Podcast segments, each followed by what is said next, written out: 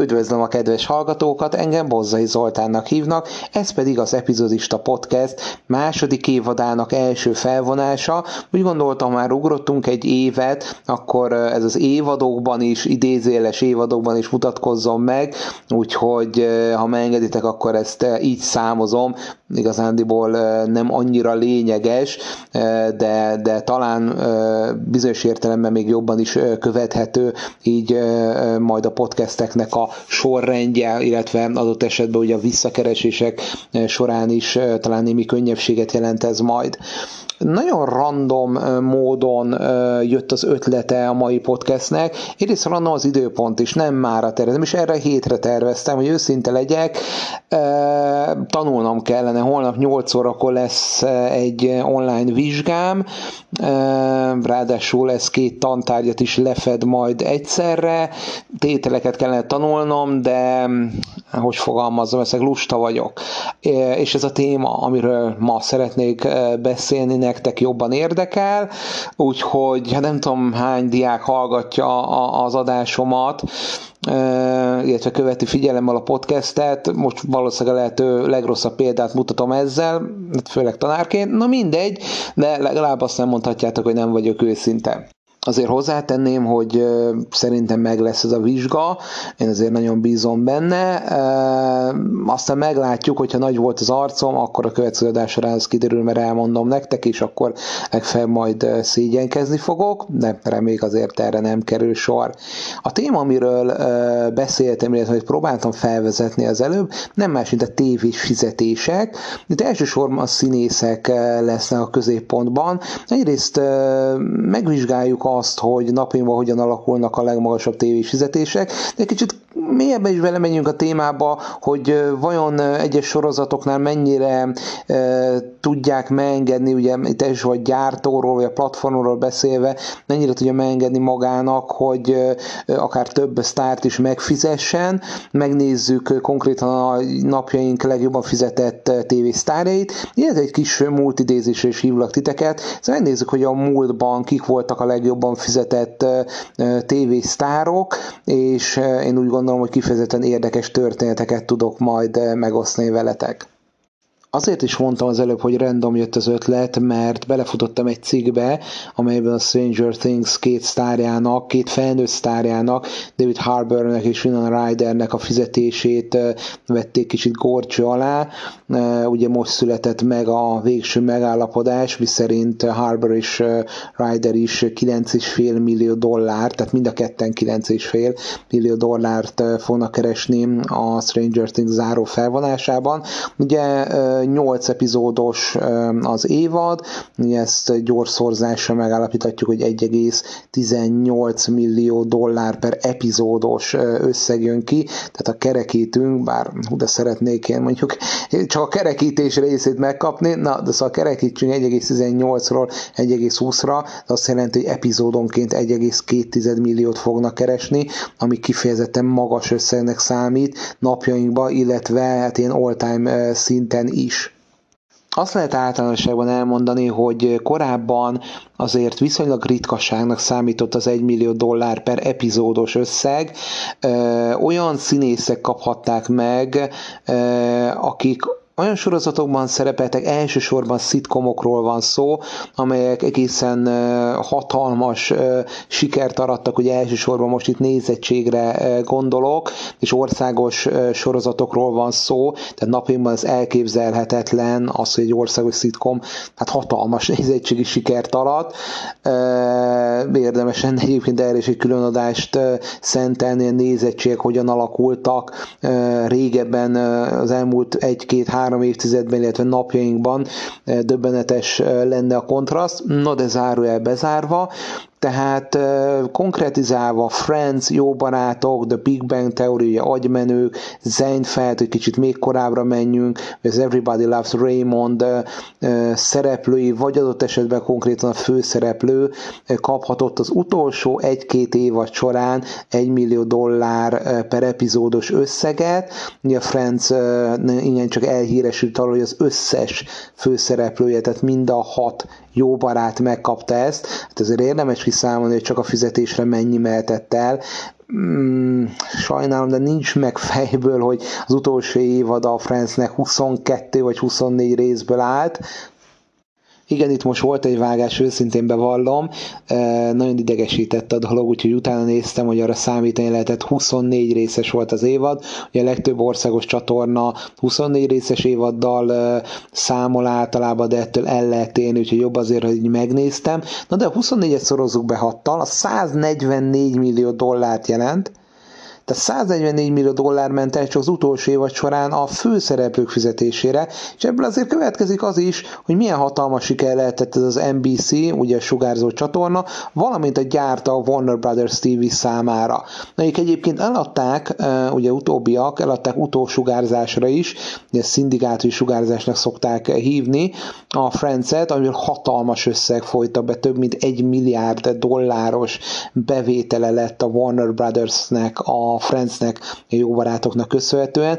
és még ebből is részesültek egyébként a színészek, kétszázalékos jutalékot kaptak, ez azt jelenti, hogy évenként, vagy hát igen, itt évről, nem is évadról kell már ugye beszélni, évenként ez 20 millió dollár per buksit jelentett. Tehát ez egy, ez egy hatalmas összeg, mindezt úgy még egyszer mondom, hogy már nem forgatták a sorozatot, hanem megkapták ezt az összeget, mint egyfajta életjáradék, tehát nem is tudom mi erre a megfelelő kicsi viccesnek ható kifejezés, úgyhogy Carney Coutray, Franiston, David Schwimmer, Lisa Kudrow, Matt LeBlanc és Matthew Perry egyaránt kasszát robbantottak a jó barátokkal. Ott tartottunk még a jó barátokba való elmélés megelőzően, hogy korábban de a nagy sikert aratott szitkomoknál a Friends, a The Big Bang Theory, ugye ahogy menők, akkor az Everybody Loves Raymond vagy Seinfeldnél, hogy még a korábbra is visszamenjünk. Azért előfordultak az utolsó egy-két évad során egy millió dollár per epizódos gázsit kaptak a, vagy a fő, vagy, a, vagy mindig szereplő, vagy a főszereplő, tehát itt azért ez sorozatonként különbözik, viszont azért alapvetően ritkának számított ez ez napjainkban már kevésbé mondható annak. Abban az esetben, hogyha egy nagyon hype-os, nagy várakozással teli sorozat mondjuk híres alapanyagból készül adott esetben, és ehhez sikerül megnyerni nagy, akár mozis nevet, neveket, akkor az 1 millió dolláros per epizódos gázsi alapnak nagyjából alapnak számít. Úgyhogy napjainkban azért gyakoribbnak mondhatjuk ezt az összeget. A kérdés az, hogy legalábbis bennem felvetődött, mi a helyzet a többi színésszel. Tehát oké, okay, hogy napjainkban gyakoribb ez a csúcsgázsi, de vagy a második, harmadik, negyedik, ötödik helyen lévő színész, most ez egy idézélet képzeljetek ide mindenképpen, vagy hogyan keres, és a variety az egyik tavaly megjelent cikkét mazsoláztam végig, amelyben hát ugye ők azért nagyon ügyesen tudnak ilyen színfalak mögött információkhoz hozzájutni, és nagyon hiteles forrásnak tekinthetők.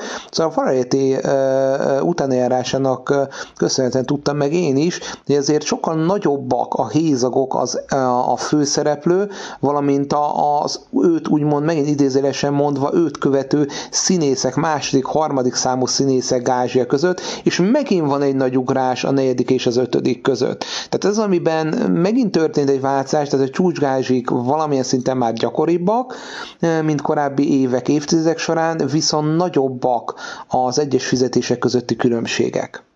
Ez pontosan mit is jelent?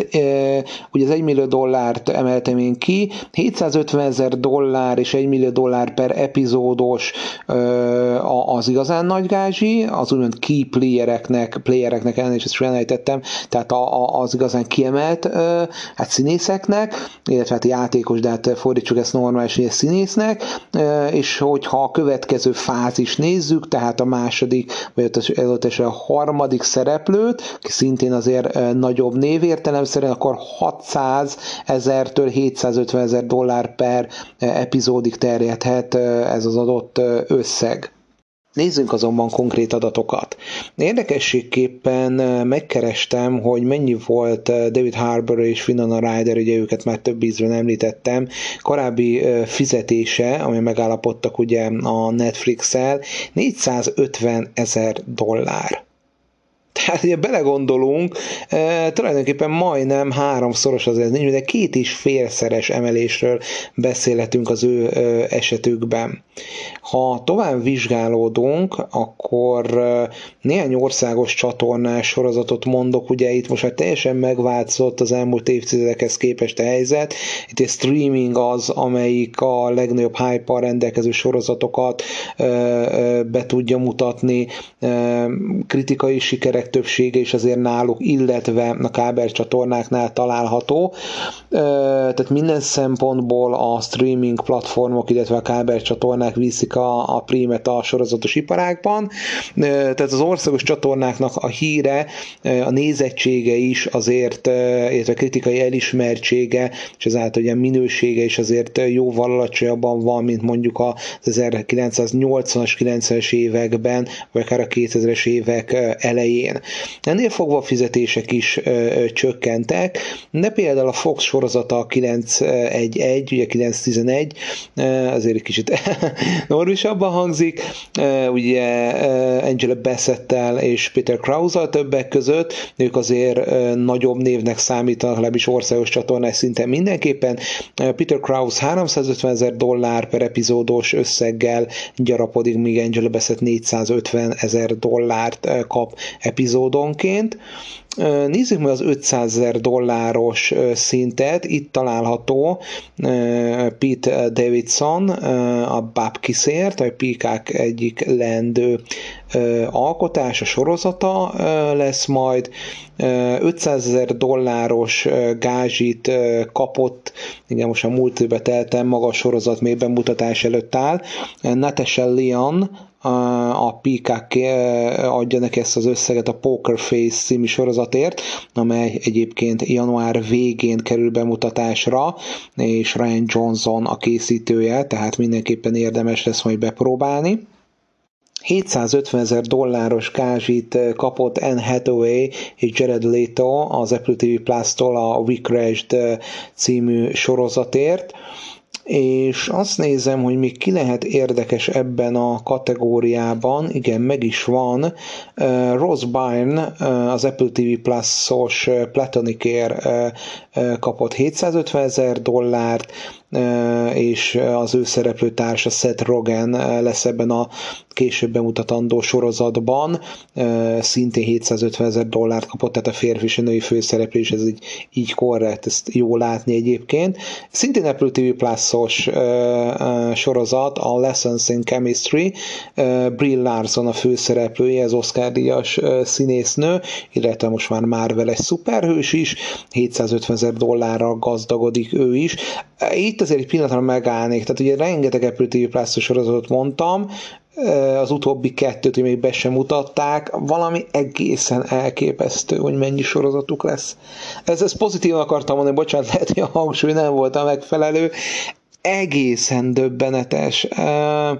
Pár nap ezelőtt került ki az IGN.hu-ra a cikkem 2023 leginkább a legjobban várt sorozatairól. Csekkoljátok, hogyha van időtök, 20 sorozat, meg még említette meg azokon kívül is, tehát bőven van olvasni való. És, és ott is rengeteg Apple TV Plus sorozat szerepel. És most egy kicsit ilyen kulisszák mögötti uh, uh, dolgot hadosszak meg veretek, uh, rengeteg sorozatot még ezen kívül is kellett hagynom, tehát valami egészen elképesztő a felhozataluk mennyiségi és minőségi értelemben is. Mind az alaptörténeteket, a, a rengeteg adaptációjuk van, ugye elsősorban könyvadaptációkról beszélünk, fantasztikus színészeket szerződtettek, sorrendereket is végignéztem, illetve készítőket, szintén többségében elsőrangúak. Úgyhogy Apple TV Plus, tényleg, tényleg ez nem streaming, ez Apple TV. Úgyhogy szerintem kimagasló évük lesz, és a következő 2024-es évük már most lehet látni, hogy, hogy milyen sorozatok fognak arra az időszakra kerülni. De mindenképpen kövessétek figyelemmel a, a platformot, ugye nem véletlenül csináltam, vagy készítettem egy korábbi adásban külön róluk egy ilyen kis bemutató részt, mert úgy gondolom, hogy a következő évek, akár a következő évtized egyik, hanem a legmeghatározóbb streaming platformjáról beszélünk, hogyha az originál sorozatok minőségét nézzük, és most azt kell mondani, a mennyiségét is. No, de bocsánat azért a kis intermedzóért, vagy zárójes megjegyzésért, ezt szerettem volna elmondani. És akkor a 750 ezer dolláros kategóriát, egy gyorsan végnézem a kis listámat, ugorhatjuk is, és elérkezünk az 1 millió dolláros színészekhez. Ó, de megnyomtam ezt a színészek szót, elnézést kérek. Egyébként a holnapi vizsgámnak az egyik tétele a nyelvi udvariasság, nyelvi stílus hasonló dolgok, és pont van benne egy ilyen rész, hogy nagyon oda kell figyelni arra is, hogy mondjuk tiákom, hogy hogyan szól, mennyire szépen artikulál, mennyire tudom besegíteni, és önreflexióra is szükség van. Tehát amit esetleg az ember nem megfelelően ejt, nem figyel oda, különböző okai lehetnek ennek, akkor, akkor hát saját magával szemben is legyen kritikus, úgyhogy bocsi, ezért, ezért mondtam azt, hogy kicsit, kicsit túlejtettem ezt a, az előző kifejezést. No, sokadik mai zárójeles sztorinkat követően nézzük az 1 millió dolláros színészeknek a, a listáját. Michael Keaton, ugye egykori Batmanünk, de hát azért Keaton karrierje sokkal többről szólt, és szól, mint, mint hogy hogy csak Batmanként azonosítjuk, kiváló színészről van szó. A Dobsikben szerepelt, a Hulu sorozat és egy millió dollárt kapott, érte meg is szolgálta abszolút. Harrison Ford az 1923 című Taylor Sheridan sorozatért, ami a Yellowstone-nak egy spin-offja, egy újabb spin-offja. Paramount Plus mutatta be, decemberben 1 millió dollárt kapott, ugye az ő esetében azt gondolom, hogy nem kérdés, ugye ha létezik nagy mozis színész, akkor ő mindenképpen. Helen Mirren, ugye a brit színésznő, volt az a társa, illetve hát jelenleg a társ, ugye megy még a sorozat, egy millió dollárt kapott szintúgy. És egy valakiről elfelejtkeztem még az 1 millió dollár alatti színészek kapcsán, de közel van, úgyhogy olyan nagyot nem tévedtem. Elizabeth Olsent, ha említsem még meg, a Love and Death című sorozatért, ha jól tudom, az első fél évben várható ez az HBO-n, illetve az HBO Max-en 870, 875 ezer dollárt kapott epizódonként. Na de folytassuk akkor az 1 milliós összegekkel. Will Ferrell és Paul Rudd The Shrink Next Door című szitkomért, ugye Apple TV Plus sorozata 1-1 millió dollárt kaptak részenként. Ez a sorozat nem kapott akkora hype és nem volt olyan viszonya, mint amit remélt tőle a platform. Egyébként teljesen korrekt sorozat, tehát ugye ez egy eléggé szatirikus, Mm, humorral megáldott, sok esetben a drámába átmenő történet, és hát azért Ferel és Rád alakításai mindenképpen az átlag fölé emelték ezt a, a sorozatot. No, tehát ők még egy milliósak, és hát még egy Apple TV Plus sorozatunk van, a Ted Lasso és Jason Sudeikis egy millió dollárt kap, mint színész. Ugye tudni kell, hogy forgatókönyvíróként, producerként is részes, sőt, harmadik, utolsó uh, szezon során készítőként, tehát konkrét showrunnerként is szerepe van az elkészítésében ennek a szitkomnak, úgyhogy ő azért egy millió dollár felett keres alapvetően ezzel a sorozattal. Sylvester Stallone a Tulsa Kingért, a Paramount Plus sorozata 1 millió dollárt keres epizódonként, és végig is értünk az 1 milliósokon. 1,1 millió dollárt keres Elizabeth Moss a Shining Girls-el, szintén Apple TV Plus-os sorozatról beszéltünk. Shining Girls tavaly került bemutatásra, igen, csak megosztóra sikeredett, ugye egy, hát természetfeletti és nyomozós műfajokat keverő, igen, csak érdekes sorozat, érdekes sorozat gyilkos aspektusa is van. Ez a tipikus hit or miss, tehát valaki nagyon betalál, valaki azt mondja, hogy nem, ebből soha többet. Érdemes azért vele egy, egy próbát tenni, eléggé sötét széria, tehát azért arra számítsatok, hogy, hogy nem, tehát lehetőleg nem a legrosszabb hangulatotokban kell elkezdeni. És akkor elérkeztünk a dobogósokhoz, ráadásul két színésznőről van szó. Érdekes módon egyikük sem szerepelt a Variety listán, nem is igazán értem, hogy miért nem kerültek be, de én egy rövid utánjárásnak köszönhetően hát biztos forrásokra támaszkodva mondhatom, hogy, hogy pontos adatokkal tudok szolgálni mindkettőjük esetében.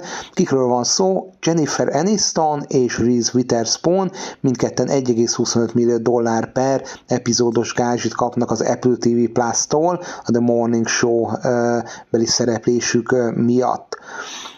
Második és első helyzethez ért el a listánk, holt verseny alakult ki itt is, hogy egy kis doppergést kérek, és közben esetleg otthon megtippelhetitek, hogy ki a két legjobban fizetett tévészínész napjainkban.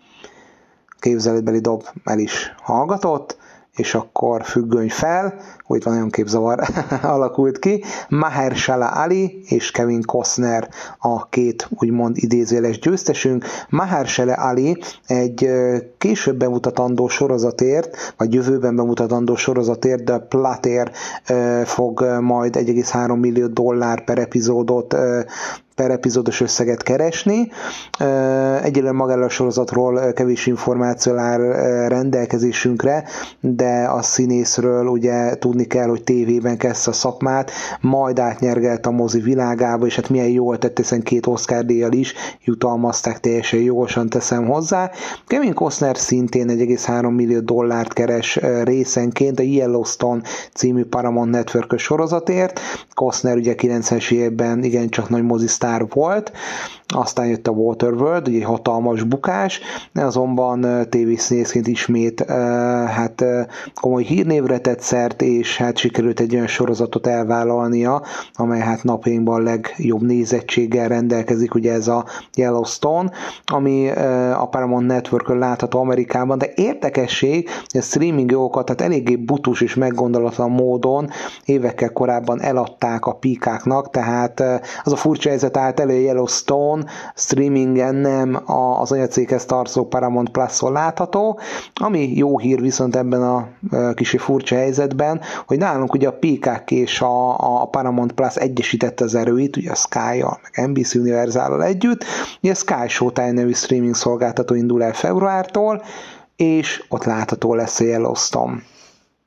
És most, hogy a jelenlegi vagy jelenkori gázsikkal végeztünk, ez azok ismertetésével, kicsit nézzünk vissza a múltba, a három színész szeretnék említeni, akik hát különböző értelemben, de igencsak érdekes az ő történetük fizetés ügyileg, ha szabad ilyen kisé kacifántosan fogalmaznom. Egyikük Ray Romano. Ray Romano az a színész, aki, és most előre elnézést kérek kisé túlzásba fogok esni, de néha allergiás reakciókat vált ki nálam, különösen az Everybody Loves Raymond beli alakítása kapcsán.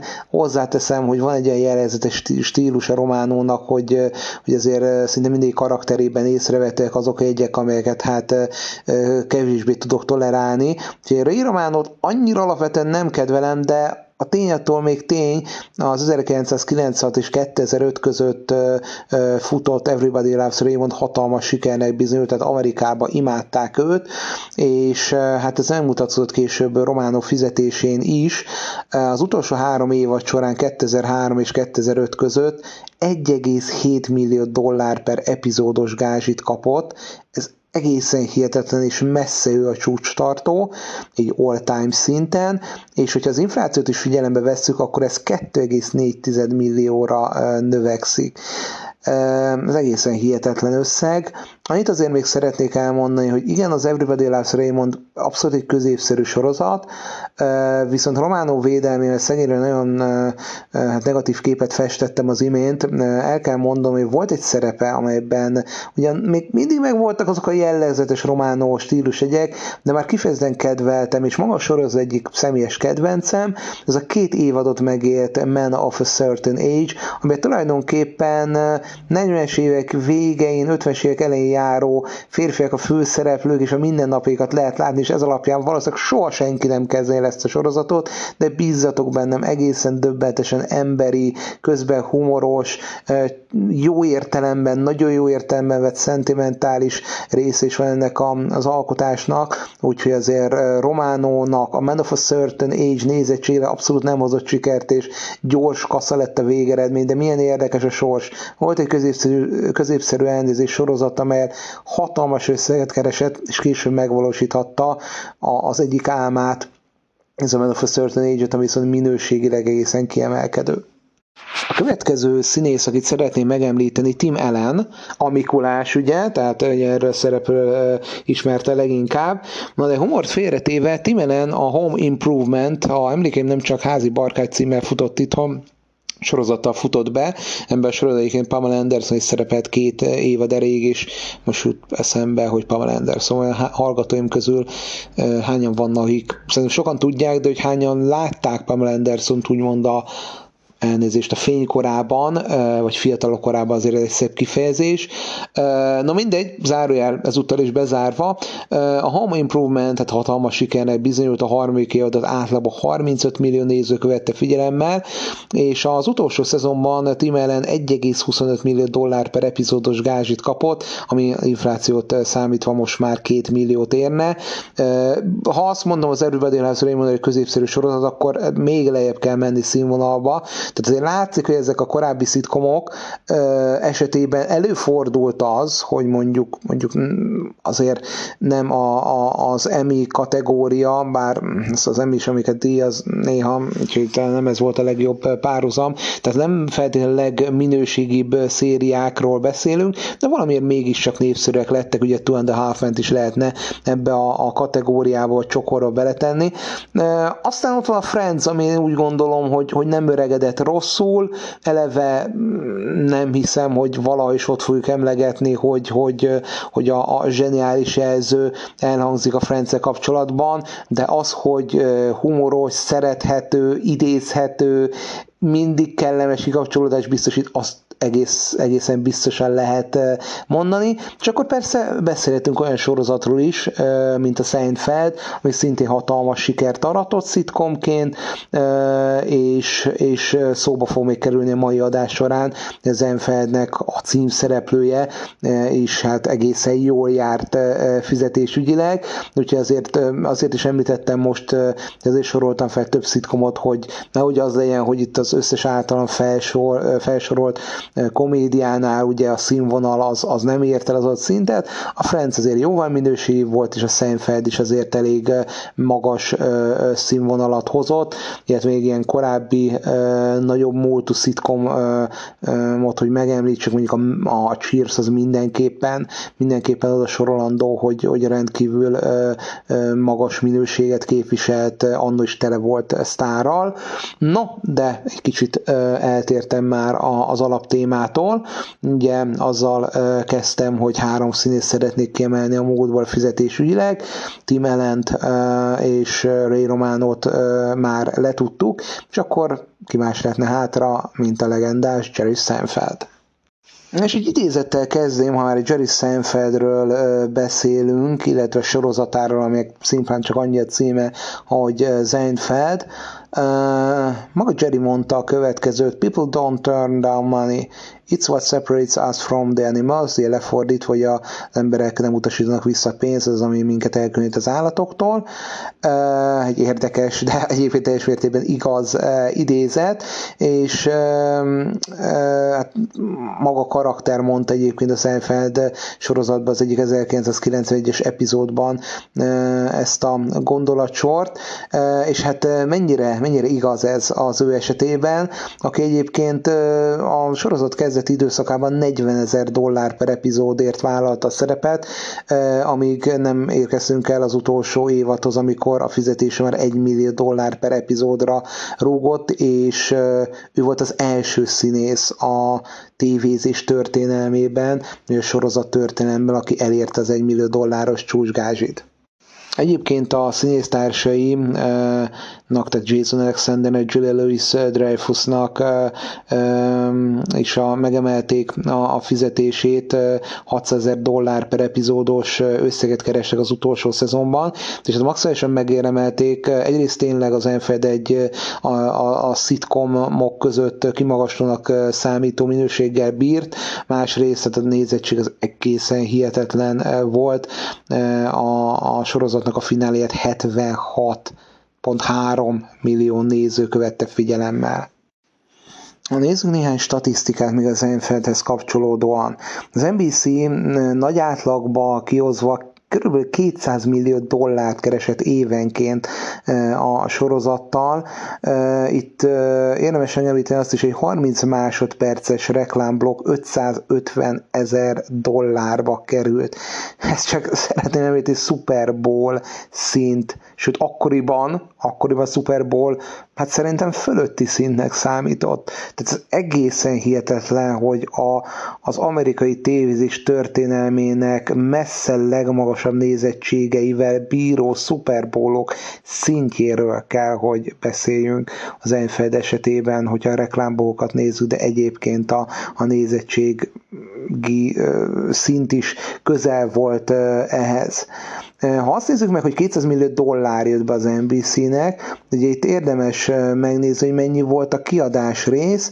Átlagosan 2 millió dollárba került egy epizód, tehát ez 48-50 millió dollárt jelent éven, jelentett évente, tehát kb. 150 millió dolláros profitról beszélhetünk, így ezért nem meglepő, a fizetésekre is futotta, hozzátéve ez jelentős emelkedés jelentett az ára évad során, amikor 30 millió dollárral ugye megemelkedett, tehát kb. 80 millió dolláros lehetett az Enfed záró évadának a költségvetés, amit meg egy hihetetlen összeg akkoriban. És akkor elérkeztünk egy szerintem kifejezetten érdekes részhez, amikor is a Seinfeld utósugárzási jogairól kell beszélni. Nem meglepő, hogy a műsorban ugye több alkalommal is ezek a szindikát is jók említve lettek, és az sem meglepő, hogy nagyon sok esetben szitkomoknál, hiszen ezek azok, amelyek nagyon könnyen ismételhetőek. Ugye itt a Friends és az Office, a Big Bang Theory egészen döbbenetes összegeket, 4 és 500 millió dollár közötti összegeket tudtak a gyártók úgymond hát megszerezni az utósugárzási jogok kapcsán, és hát ha belegondoltok, ez logikus, hiszen az emberek tényleg leülnek hiába 5, 10, 15, 20, 30 éves is a sorozat, a jó minőségű szitkomok esetében ugye kellemes kapcsolódás az a 20-25 perc. Na de térjünk vissza az Seinfeldre, aminek az utósugárzás jogait a TBS vette meg 1998-ban, méghozzá 1 millió dollár per epizódos összegért, és azért gondoljatok bele, hogy 180 rész pénzből állt a Seinfeld, tehát ez egy döbbenetes összeg volt akkoriban és teszem hozzá napjainkban is. Egészen 2010-ig tartott kapta meg tulajdonképpen jogát a, a TBS, és érdemes itt egy nagyobb ugrást tennünk, és egészen 2021. október 1-ig hát elnéznünk, ugyanis ez volt az a dátum, amikor is a Netflixnek sikerült hát egy nagyon komoly licit során megszerezni az Seinfeldnek a jogait, és ugye az előbb említettem a Friends és az Office 500 millió dolláros díljét, hát a, a Seinfeld esetében is ez állt fenn. Öt évre szerezte meg a Seinfeldnek a sugárzási jogait a Netflix 500 millió dollár ellenében. És itt ugye azt is ki kell emelni, hogy nem csupán a gyártó járt jól azzal a 2,7 milliárd dolláros összeggel, ami bejött nekik ugye az utolsugárzási eh, jogok kapcsán, hanem például Jerry Seinfeld a főszereplő, illetve az egyik készítő Larry David is, akik rendkívül okos módon, vagy ők, vagy az ügynökeik beleíratták a szerződésbe azt, hogy az utolsugárzási jogból ők nagyon komoly részesedést kapnak, és több száz millió dolláros eh, bevételre eh, tehettek szert emiatt olyan összegekről beszélünk, amely egészen elképzelhetetlen bármelyik tévés vagy akár mozis sztár számára. Hogy egy szereppel ennyit, vagy egy sorozattal, vagy akár egy filmre ennyit lehessen keresni. Nem véletlenül, Jerry Seinfeld azóta szinte nem is vállalt el más munkát sorozatban vagy filmben, tényleg nagyítóval kell keresni. Állítólag ez iparági pletyka, hogy az NBC egyébként megkereste őt egy 5 millió dollár per epizódos összeggel, de erre is nemet mondott.